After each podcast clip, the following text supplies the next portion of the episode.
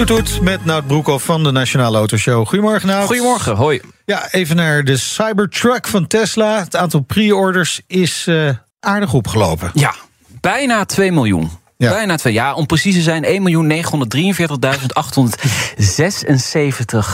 pre-orders ja. voor de Cybertruck. Ja, pre-orders. Maar pre gaan die mensen hem daadwerkelijk kopen? Want wat heb je daarvoor moeten doen voor een pre-order? Ja, je hebt 100 dollar wow. uh, moest je aanbetalen. Ja. Uh, dus je kunt er nog makkelijk vanaf. Dat is wel de nuance die je hier echt wel moet maken, zeker. Maar het is natuurlijk wel hartstikke veel. 2 miljoen. Uh, dus als je dat gaat uitrekenen keer 100 dollar... kom je op 200 miljoen dollar aan aanbetalingen. Dat is toch wel lekker om in je, in je fabrieken te, ja, te investeren. Ja, maar voor 100 dollar ga je nog geen Cybertruck uh, bouwen natuurlijk? Nee, zeker niet. Nee. nee. Dus, uh, de, en daar weten we eigenlijk nog niks over. Hè. Over de prijs, over de, oh, over de specificaties. Daar ging mijn microfoon ja. even. Ik ben zo enthousiast. Nee, um, ja, de productie is wel gestart. Hè, uh, ruim een week geleden. Uh, dus uh, nu gaan ze die, uh, dat volume opbouwen. Ze denken dat die in Texas maar, hè, dus ik bedoel Elon Musk, 375.000 per jaar kan gaan bouwen van een okay. Cybertruck. Dus ja, als je dat dan uittelt. Ja, duurt het drie jaar voordat je er bent? Nou, minimaal vijf jaar. Hè? Ja, ja dus 2 miljoen. miljoen ja, ja, ja, ja, Dus minimaal vijf jaar. Hey, en weten we ook waar die pre-orders allemaal vandaan komen? Is dat voornamelijk de Verenigde Staten zelf? Of komen ze ook uit Europa? Ja, is niet zo uitgesplitst. Dit oh, is trouwens ook een schatting van verschillende autosites. Dus dat is ook niet hmm. helemaal accuraat waarschijnlijk. Maar toch, um, ja, grotendeels uit Amerika. Ja. Maar we weten überhaupt niet of die in Europa geleverd kan en mag worden. Hè? Want misschien moet die wel onder een uh, vrachtwagenbewijs uh, komen. Uh, of dat hij zo groot is. Ja, dat hij zo groot en zwaar is. Ja. ja. ja. Het is in ieder geval een elektrische pick-up truck.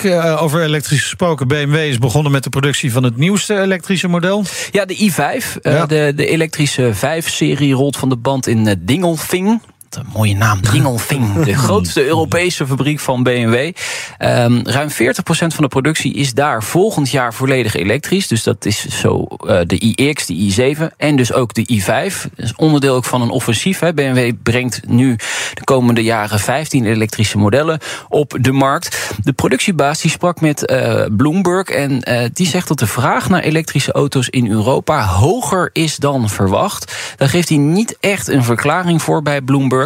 In China valt de verkoop juist tegen. En daar hebben ze natuurlijk een beetje tegenwind, omdat de, de elektrische uh, Chinese merken uh, vol in opmars zijn en uh, prijsverlagingen geven, omdat, omdat Tesla dat ook doet daar. Dus dat zal waarschijnlijk daaraan liggen. Maar ja, de i5 wordt dus nu gebouwd. Ja elektrische 5-serie binnenkort op de markt. Ja, uh, Mazda gaat ook elektrisch. En wel met een toch ja, een icoontje, ja. vind ik. Ja.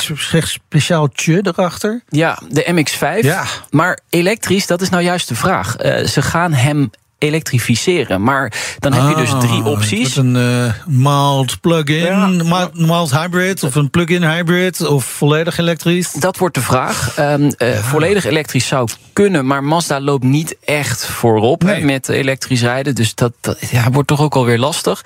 Hybride of plug-in hybride. Eén van die drie wordt dus verwacht. Maar we weten dus nu wel dat die geëlektrificeerd gaat worden, die Roadster.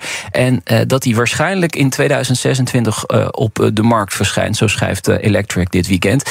Dus um, ja, de, dat is eigenlijk dus de volgende modelgeneratie die ja, geëlektrificeerd wordt. En of die dan elektrisch wordt of hybride of plug-in hybride, dat is, is nog er, even is er, afwachten. Is er genoeg ruimte te vinden in, in die auto om, om twee motoren? Hij is heel compact. Ja, ja. daarom, dat bedoel ja. ik. En op zich is een elektrisch nou, die batterijen leggen hem nog strakker op de weg natuurlijk. Op zich is dat niet verkeerd. Ja, maar het, het plezier van de ja. MX-5...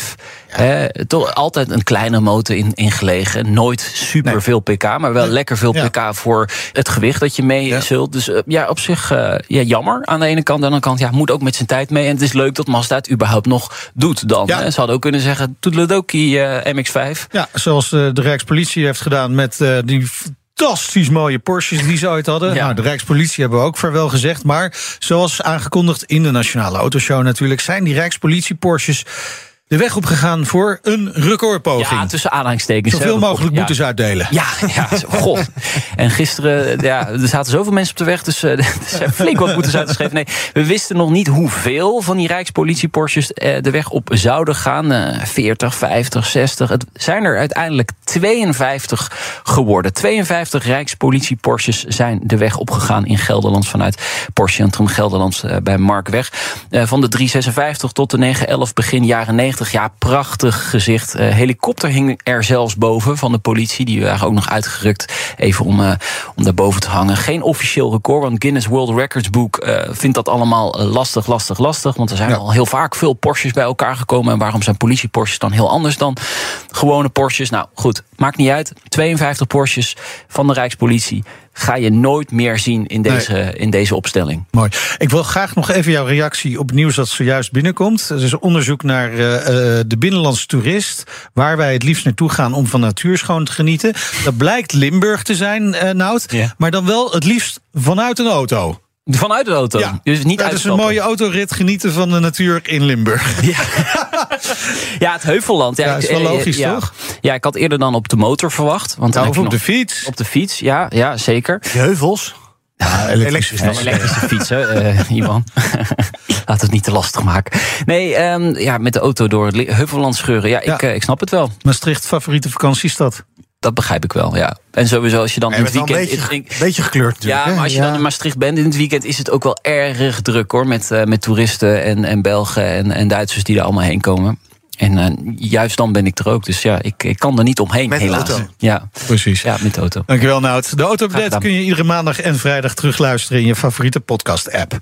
De auto-update wordt mede mogelijk gemaakt door Leaseplan. Leaseplan. What's next? Bij BNR ben je altijd als eerste op de hoogte van het laatste nieuws. Luister dagelijks live via internet. Jelle Maasbach. Wesley Weert. We zijn er voor je met het leukste, opvallendste, maar natuurlijk ook het belangrijkste nieuws. Tijdens de presentatie van die halfjaarcijfers toen die beurskoers in elkaar kukkelde. BNR Beurs. Voor de slimme belegger. Blijf scherp en mis niets.